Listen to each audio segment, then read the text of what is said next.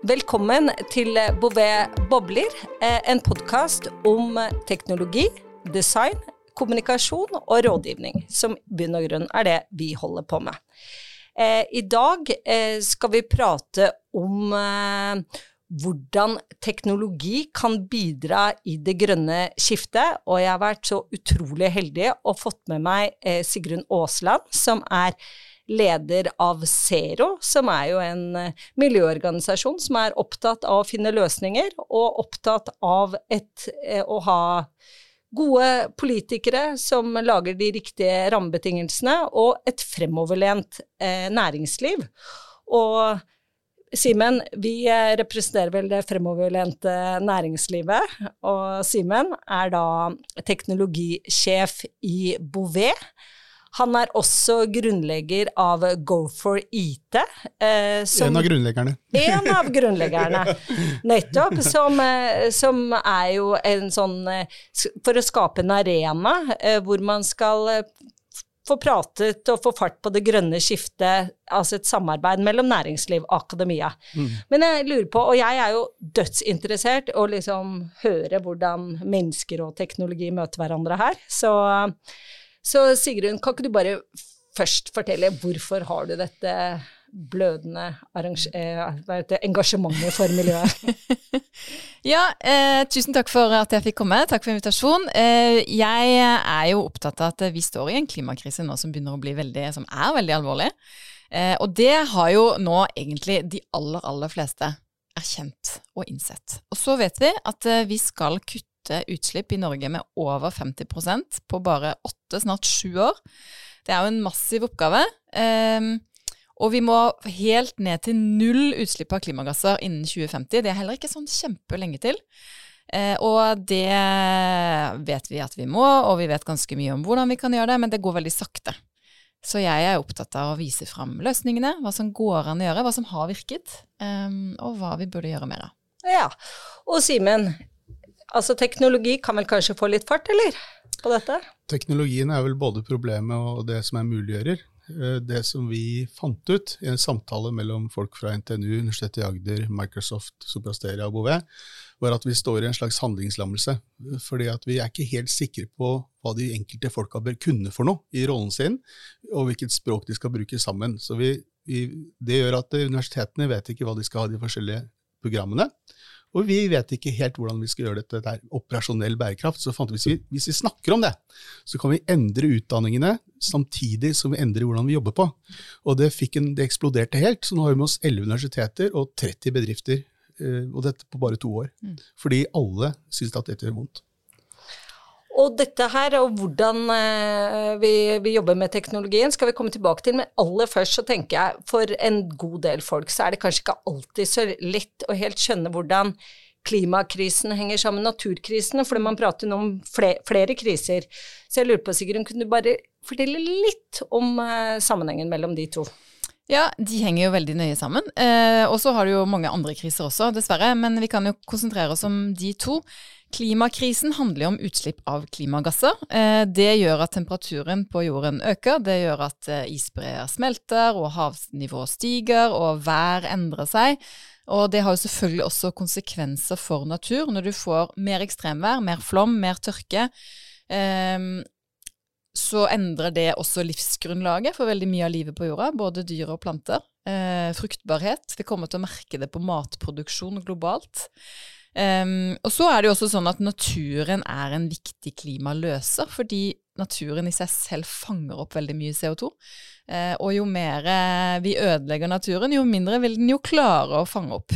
Uh, dyreliv og planteliv er jo også en veldig viktig indikator på hvordan det går med klimakrisen, fordi uh, det er sånne helhetlige økosystemer av dyr og planter som er avhengige av hverandre. Og når vi ser nå at WWF ga ut en rapport for et par uker siden som viste at 69 eh, eh, av dyre- og planteartene eh, er truet. Så handler jo det om Så er det også en indikator på at det har blitt vanskeligere å leve på den måten som mange av disse har gjort. Mm. Og når vi hører om disse krisene, så kan man jo kanskje lure på da, hvordan er eh, kriseforståelsen her i Norge, både hos myndigheter, hos eh, næringslivet, hos oss, eh, Simen, og, og, kanskje hos oss alle som individer. Jeg veit ikke, hva, hva, tenker dere om det? Altså, jeg eh, tror mye, mye, har endret seg på den måten at eh, debatten handler jo ikke lenger nå om hvorvidt vi skal gjøre noe med klimakrisen.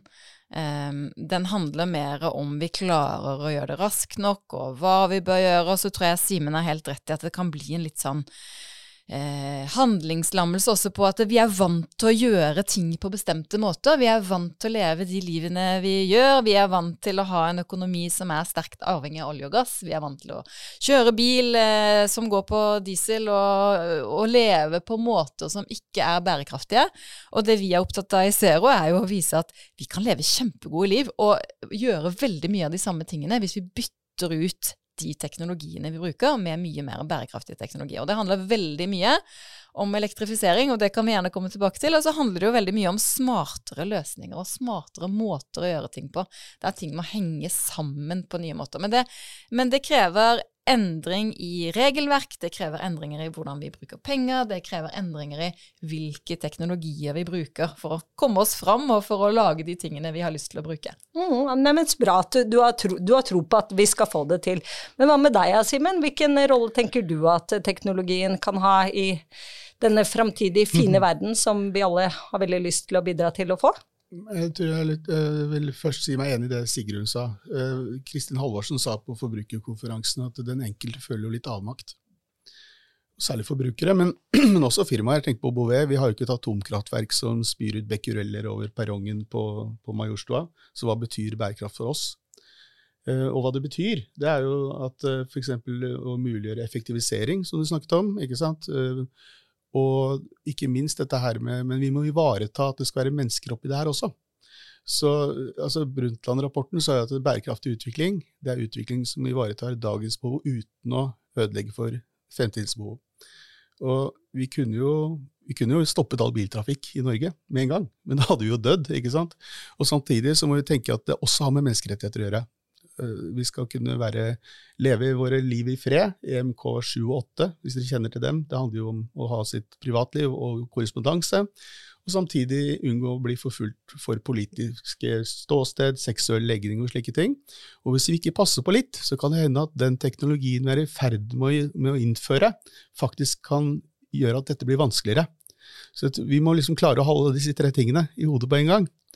Og, og, sånn, Men vi som er teknologer, da, vi har et litt spesielt ansvar. For det er gjennom å endre altså disse fabrikkene, disse transportmidlene, på en bra måte gjennom teknologi, det er bare da vi får det til. Men da må vi forstå hva den enkelte kan gjøre for noe. Ja, vi laget en uh, rapport eh, tidligere i år der vi, uh, vi, er opptatt av å ta politikerne på alvor når de sier nå at de vil kutte utslipp i Norge med 55% innen 2030. Det er jo kjempebra. Eh, så satte vi oss ned og samlet opp hva vet vi om hva vi har av teknologi, hva vet vi om virkemidler som allerede finnes og er utredet og som det går an å implementere. Eh, og så laget vi en rapport der vi sa her er det dere kan gjøre hvis dere vil kutte utslipp med 55% innen 2030. Det handler veldig mye om elektrifisering, f.eks. av transport. Sant? Vi har vært flinke til å bytte ut bilene våre med elbiler i Norge. Det går veldig bra. Men vi må gjøre det samme med lastebiler, med gravemaskiner. Vi må elektrifisere og bruke etter hvert hydrogen og ammoniakk på skip. Vi må gjøre det samme i luftfarten. Så der er det masse som har skjedd, men altfor lite. Det må skje mer. I industrien kan vi kutte enormt store utslipp også med å bytte ut f.eks. gass med hydrogen, med å elektrifisere. Um, I um, olje- og gassnæringen kan vi på kort sikt gjøre ganske mye for å elektrifisere den produksjonen vi har. Og så på lengre sikt så vet vi jo alle sammen at eh, vi skal leve av noe annet enn olje. Og etter hvert så kommer ikke de vi selger olje og gass til, til å være så opptatt av å kjøpe den oljen og gassen som det de er nå. Mm. Um, så det fins en masse sånne hvis vi kalle det hard teknologi. Da, ikke sant? Det handler om elektrifisering, det handler om å produsere fornybar energi. Det handler om å produsere hydrogen, som kan være en energibærer der hvor batterier ikke kan ta oss langt nok, eller der kjøretøyene er for store. Um, men for å få alt dette til å fungere, så trenger man jo også en masse eh, annen type teknologi, informasjonsteknologi og systemløsninger og, og, en del sånne ting. Så der tenker jeg det er en kjempestor oppgave. Og det er kanskje også den største utfordringen, fordi det krever en del sånn nye forretningsmodeller. ikke sant? Mm. Hvis du skal gå fra en lineær økonomi, der vi lager ting, bruker de og kaster de, til en økonomi der vi lager ting, bruker de om igjen, tar ut materialene, bruker de på nytt, selger brukte ting til hverandre, så krever det en litt annen måte å drive økonomien vår på, som er fullt mulig å få til, men som liksom ikke helt passer med hvordan vi pleier å tenke. Og det er veldig bra at du kommer inn på dette her, for eh, vi, vi får jo litt drahjelp fra taksonomien, som skal da innføres i 2023. Eh, Jeg er ikke sikker på at alle lytterne vet hva eh, taksonomien er for noe. Så hva tenker du det er viktigst å si om det, og hva, hvilken, hvilken påvirkning vil det ha på hvordan vi driver butikk her i Norge? Eh, for det første stor. For det andre, det som gjør meg litt oppløftet da, i denne klimadebatten, der man av og til kan få litt inntrykk av at ingenting skjer, eh, er jo at det skjer masse i de virkelig store økonomiene som vi handler med. Det skjer en del i USA nå, faktisk. De har nettopp vedtatt en stor klimapakke der det skal investeres i klimateknologi og fornybar energi over en lav sko.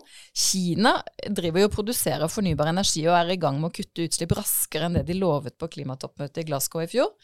Um, og i EU så skjer taksonomien, som jo er en klassifisering av virksomhetene. Hva, hvor stor andel av virksomhetene er det som er, kan kalles bærekraftig? Det vil jo få konsekvenser for tilgang på lån, f.eks. Eh, og, og krav, og det vil også ha konsekvenser for krav som stilles i form av reguleringer og eh, hvilke rammebetingelser man får. Men det skjer jo også mye mer i EU enn taksonomien. EU har jo akselerert veldig sine ambisjoner for energieffektivisering, for, fornybar, produk for eh, produksjon av fornybar energi, eh, og regulerer jo nå ganske sånn oppsiktsvekkende hardt på klimaområdet. Sant? Stiller krav om at alle næringsbygg skal ha sol på taket innen 2027.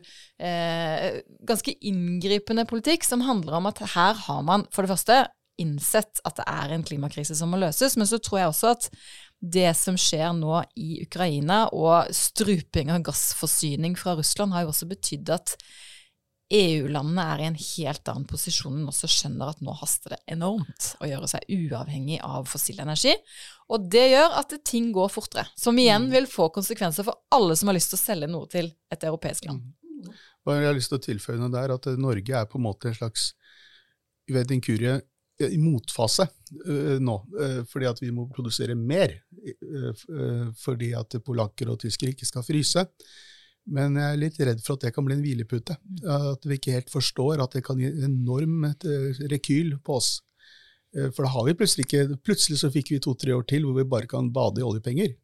Uh, og det, det, er sånn, Jeg er litt sånn redd for det. Hva tenker du om det, Sigrun? Ja, jeg er helt enig i det. Og jeg var på Equinors høstkonferanse forrige uke. Der var også sjefen for det internasjonale energibyrået, Fatih Birol. Uh, og han ble spurt om dette. Skal vi ikke nå, Er det ikke lurt nå at vi produserer mer olje og gass? Fordi hele Europa roper jo etter det. Særlig gass, da. Og hans svar på det var vel, jeg skal ikke gi noe råd om hvem som skal investere hvor, men Europa trenger gass nå og noen år fremover, men Europa har jo også bestemt seg for å gjøre seg uavhengig av gass, så den etterspørselen kommer til å falle ikke, om mm. ikke så veldig lenge. Og det betyr um, at produsere gass fra felt vi har nå, det gir mening, og det tror jeg det er det jo egentlig ingen politiske partier på Stortinget heller som er imot. Men å utvikle og investere i helt nye felt og sette i gang produksjon som vil være klar om sju, åtte, ni, ti, elleve år, det er ikke et svar på den krisen Europa står i nå, i hvert fall. Så det er på en måte en klimarisiko, men også en økonomisk risiko, hvis vi låser oss for hardt fast i olje og gass pga. det som skjer i Europa. Ja, og hele 70% av det vi eksporterer er jo faktisk eh, olje og gass. Så hva tenker du da, Simen? Er, er, det store eksportmuligheter i eh, å bygge opp andre industrier, teknologitunge industrier, hvor, eh, som er bra for miljø og folk? Norge er faktisk ganske langt framme når det gjelder karbonfangst og -lagring. Tenk på det som skjer i Langskip-prosjektet, med at vi har hele næringskjeden fra sementfabrikken og gjenvinningsanlegget på Klemetsrud og helt ned i oljebrønnene. Eh, så må vi etablere helt nye næringskjeder, vi må snu på dem, og vi må lage teknologi som støtter det. Og det tenker jeg vi kan eksportere. Det kan gi inntekter. Men det som også er litt rart, det er at disse uvante store oljeinntektene de har faktisk gjort at oljefondet øker veldig. Så inntektene fra oljefondet nå begynner å komme på linje med oljeinntektene, faktisk. Så vi har en slags sånn, vi er fetteranton i Europa. Mm. Og det gjør at vi kan investere i teknologi. Mm. Og vi skal jo prate om teknologi i dag, eh, så jeg lurer på, har vi, altså hvordan ligger det an med utviklingen av teknologien? Har vi teknologien vi trenger for å løse krisene, eller er det veldig mye utvikling som må skje også på teknologifronten? Hva tenker du om det, Simen? Det meste er ikke så vanskelig. Det som er nytt, det er dette med som kan støtte sirkulær økonomi, tenker jeg. Der er det veldig mye som mangler. Men det, er, det meste annet handler om vilje og investeringer. Teknologien er der. Men dette med spesielt informasjonsbehovet i sirkulærøkonomi-kretsløp, da, det, det, har vi ikke helt funnet ut av ennå, tror jeg. Jeg tror jeg er helt eh, det er også min oppfatning. Altså, Vi har all teknologien vi trenger for å kutte utslipp med over 50% innen 2030. Det har vi i Zero sagt en stund. Og i vår sa jo faktisk også FNs klimapanel akkurat det samme. Den, eh, de kommer jo stadig med nye rapporter, og hver gang går det litt dårligere med klima, og vi må, det haster litt mer å løse klimakrisen. Men det de også sa i den rapporten som kom i april i år, var jo vi har teknologien til å mer enn halvere utslipp innen 2030. Vi har kapitalen til å gjøre det, vi må bare allokere den riktig. Eh, og når vi implementerer klimapolitikk, så har den effekt. Vi bare gjør for lite av det. Så jeg er helt enig. Vi har den teknologien vi trenger for å elektrifisere. Vi har masse teknologi for karbonfangst og -lagring. Eh, vi har alt som skal til for å kutte utslipp innen 2030. Så trenger vi litt ny teknologi, særlig maritim sektor og luftfart fram mot 2050 for å komme helt til null. Men den store utfordringen nå handler jo også om de der systemene som Simen også er inne på. At det, eh, vi trenger Der har vi jo også teknologien, vi må bare lage løsningene. Men vi kan gjøre veldig mye mer for å bruke materialer eh, flere ganger og om igjen og lage nye systemer for det. Um, vi trenger f.eks. når vi skal produsere i framtida mye mer fornybar energi, det er jo eh, litt sånn mer ustabilt fordi det blåser og lages masse strøm, og så plutselig en dag blåser det ikke, og så lages det ikke så mye strøm. Eller så skinner sola den ene dagen og ikke den neste dagen. Det betyr at vi trenger mye bedre løsninger for å lagre strøm. Eh, og vi kommer til å bruke mer strøm, fordi vi skal jo elektrifisere veldig mange ting. Eh, og der har jo også teknologien en enormt viktig rolle å spille i å lage smarte systemer for når skal vi produsere, hvordan skal vi lagre, når skal vi bruke, eh, og hvordan kan vi utnytte den energien bedre. Mm. Og nå har vi jo pratet mye om det, det store bildet, ikke sant, hva, hva, som gjøres på myndighetsnivå. Men eh, du nevnte jo også, Sigrun, sirkulær økonomi. Uh, og klesindustrien i seg selv slipper jo ut uh, i hvert fall like mye, om ikke mer, klimagasser enn transport og luftfarten eh, til sammen. Jeg tror det er vel oppe bortimot 3,5, jeg må kanskje sjekke de tallene, men det er virkelig mye. Så hva tenker dere må gjøres for å få altså folk med på en sirkulær økonomisk tankegang, og hva slags teknologi trenger vi for å, å få fart på også hva, hva vi som enkeltfolk kan gjøre, da? Altså Det vi jobber mest med på sirkulær økonomi i Zero, er jo liksom de store materialstrømmene som eh, handler om f.eks. byggematerialer. Da. Der er det enormt store utslipp. Der tror jeg du trenger å gjøre en del ting på eh, reguleringer. Eh, stille krav til hvor mye utslipp det er lov å generere når man setter opp et nytt bygg, f.eks. Eh, stille krav gjennom hele verdikjeden. I dag er det jo sånn at det, når vi eh, produserer noe og importerer varer for å produsere det, så teller vi på en måte ikke de utslippene som gener er generert et annet sted. Um, og så uh, spurte du om liksom, hva må til for å få folk til å forstå og sånn. Jeg tror veldig mye handler selvfølgelig om at vi, hver og en av oss, kan ta bærekraftige valg.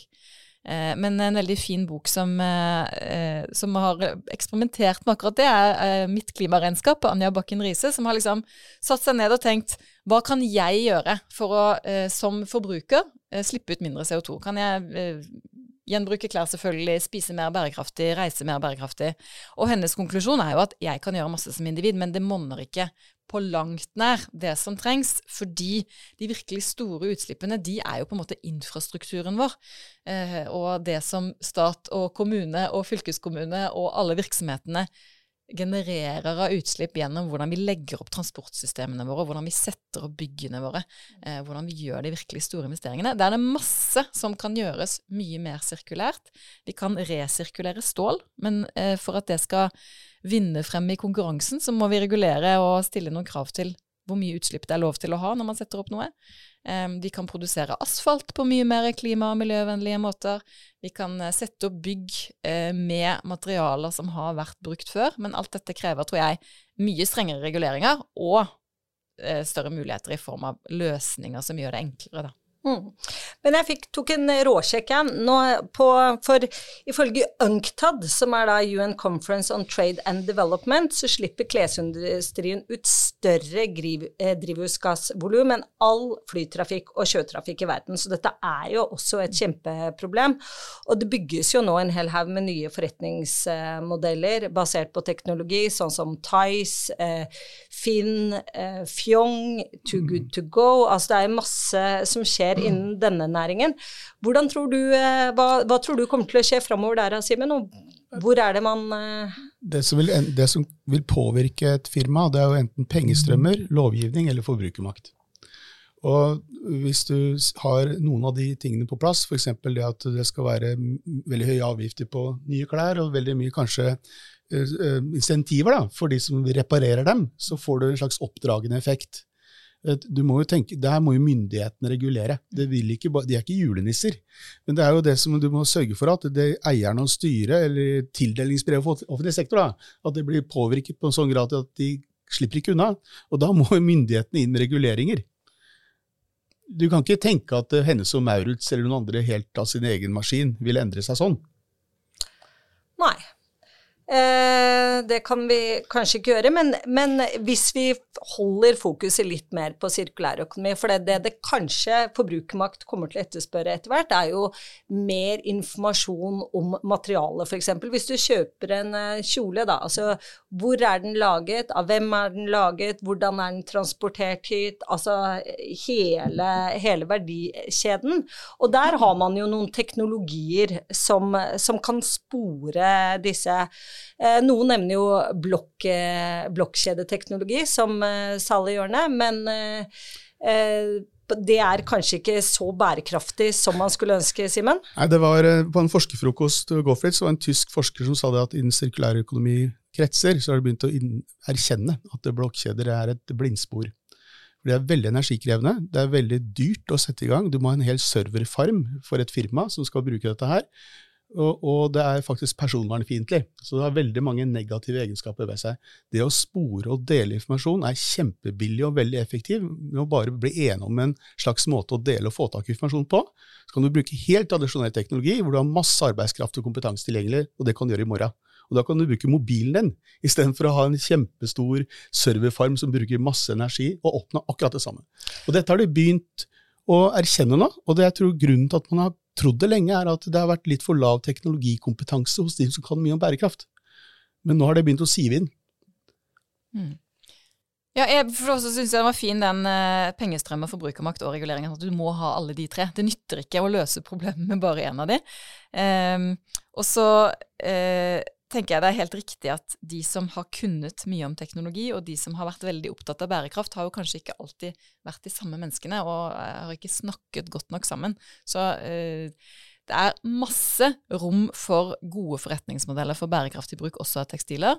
Det fins nok en økende etterspørsel i befolkningen også for å liksom ta det ansvaret, men, men det alene vil ikke være nok trenger de som går foran, eh, og så eh, trenger de å lage attraktive forretningsmodeller og, og, gode tjenester som folk vil ha, som er bærekraftige.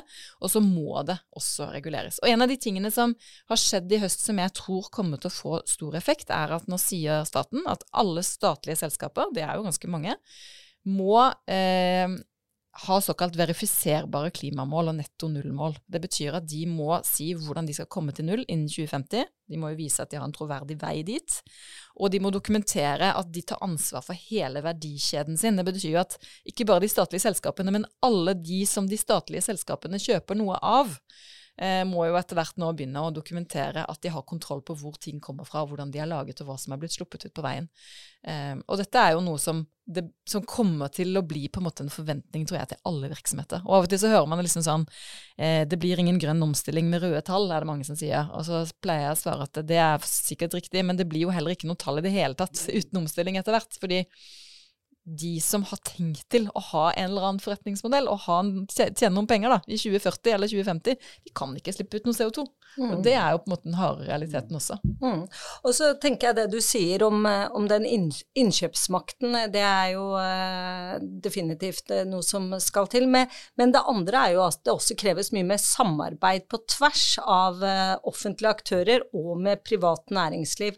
Altså Hvordan tenker du myndighetene kan legge legge, altså, legge til rette for mer samarbeid da, eh, på tvers, sånn at du faktisk får mer sammenhengende verdikjeder, hvor du på en måte optimaliserer eh, f.eks. det grønne fotavtrykket gjennom hele verdikjeden?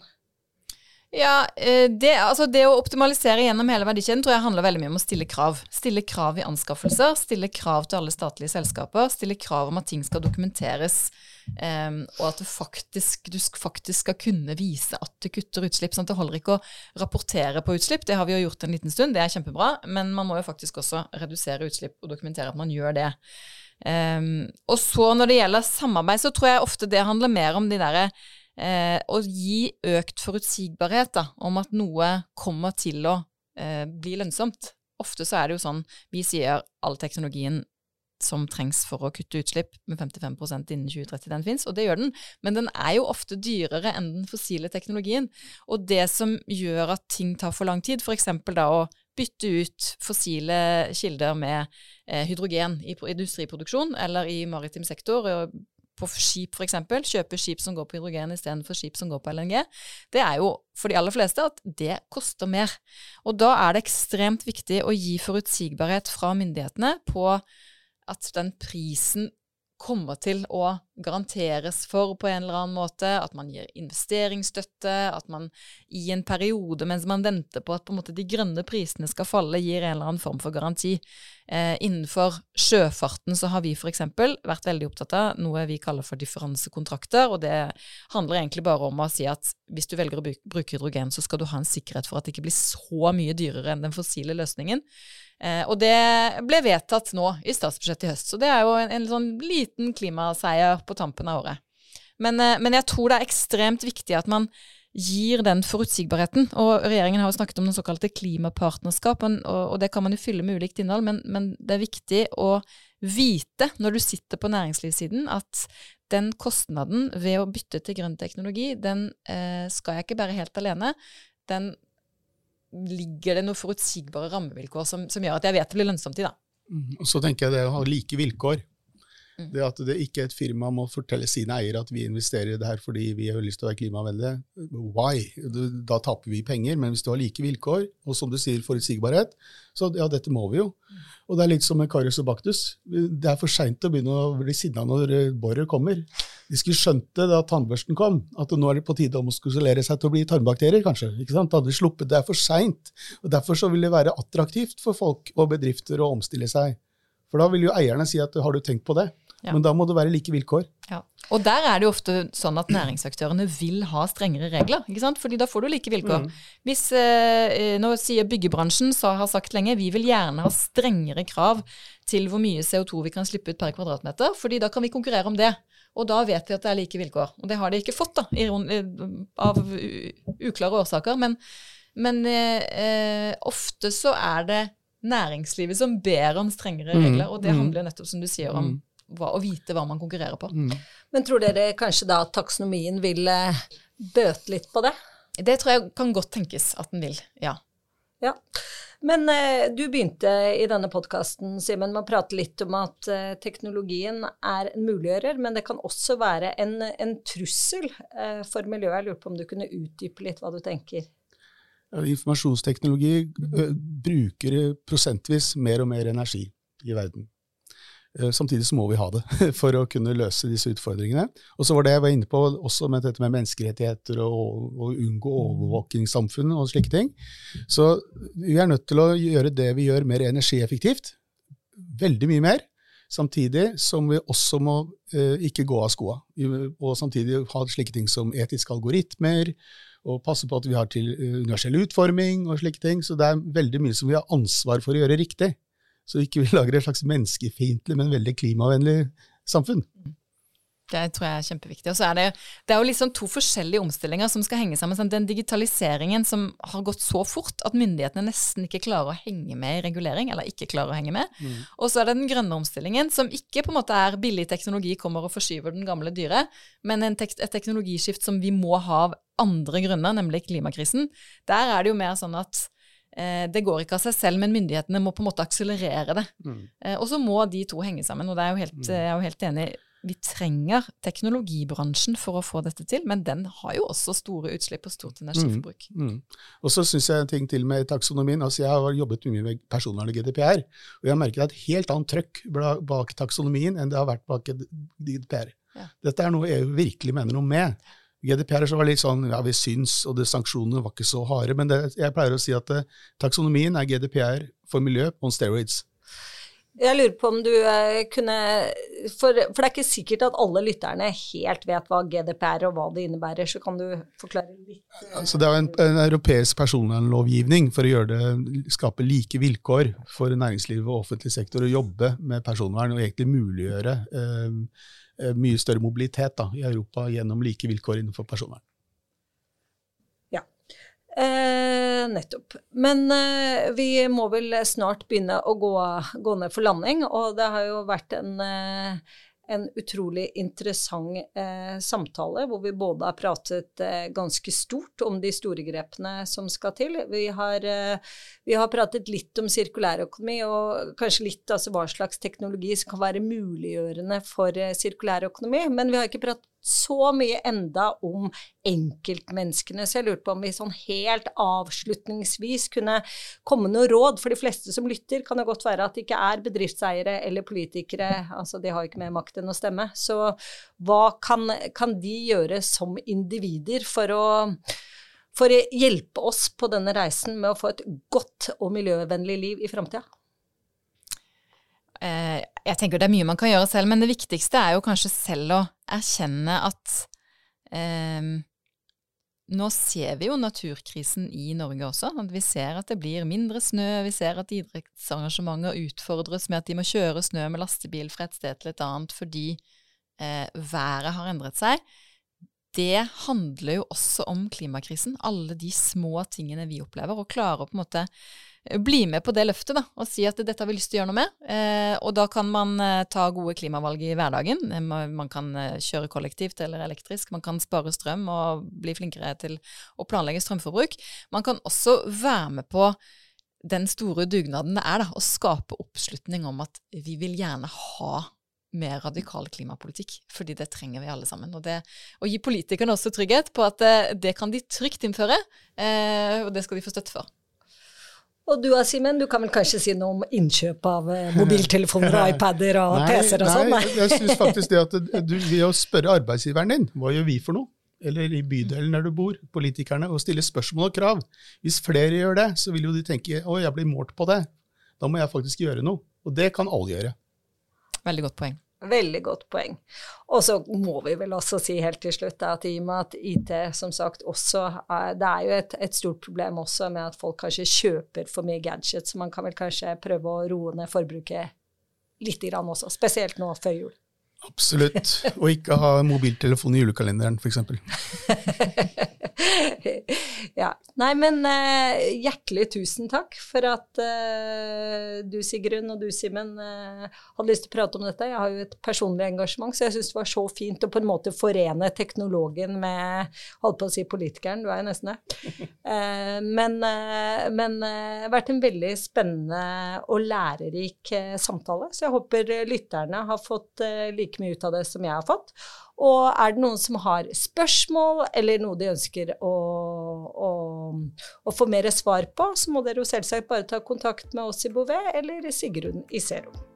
Og med det så ønsker jeg tusen takk for i dag, og ha det bra. Ha det bra. Ha det.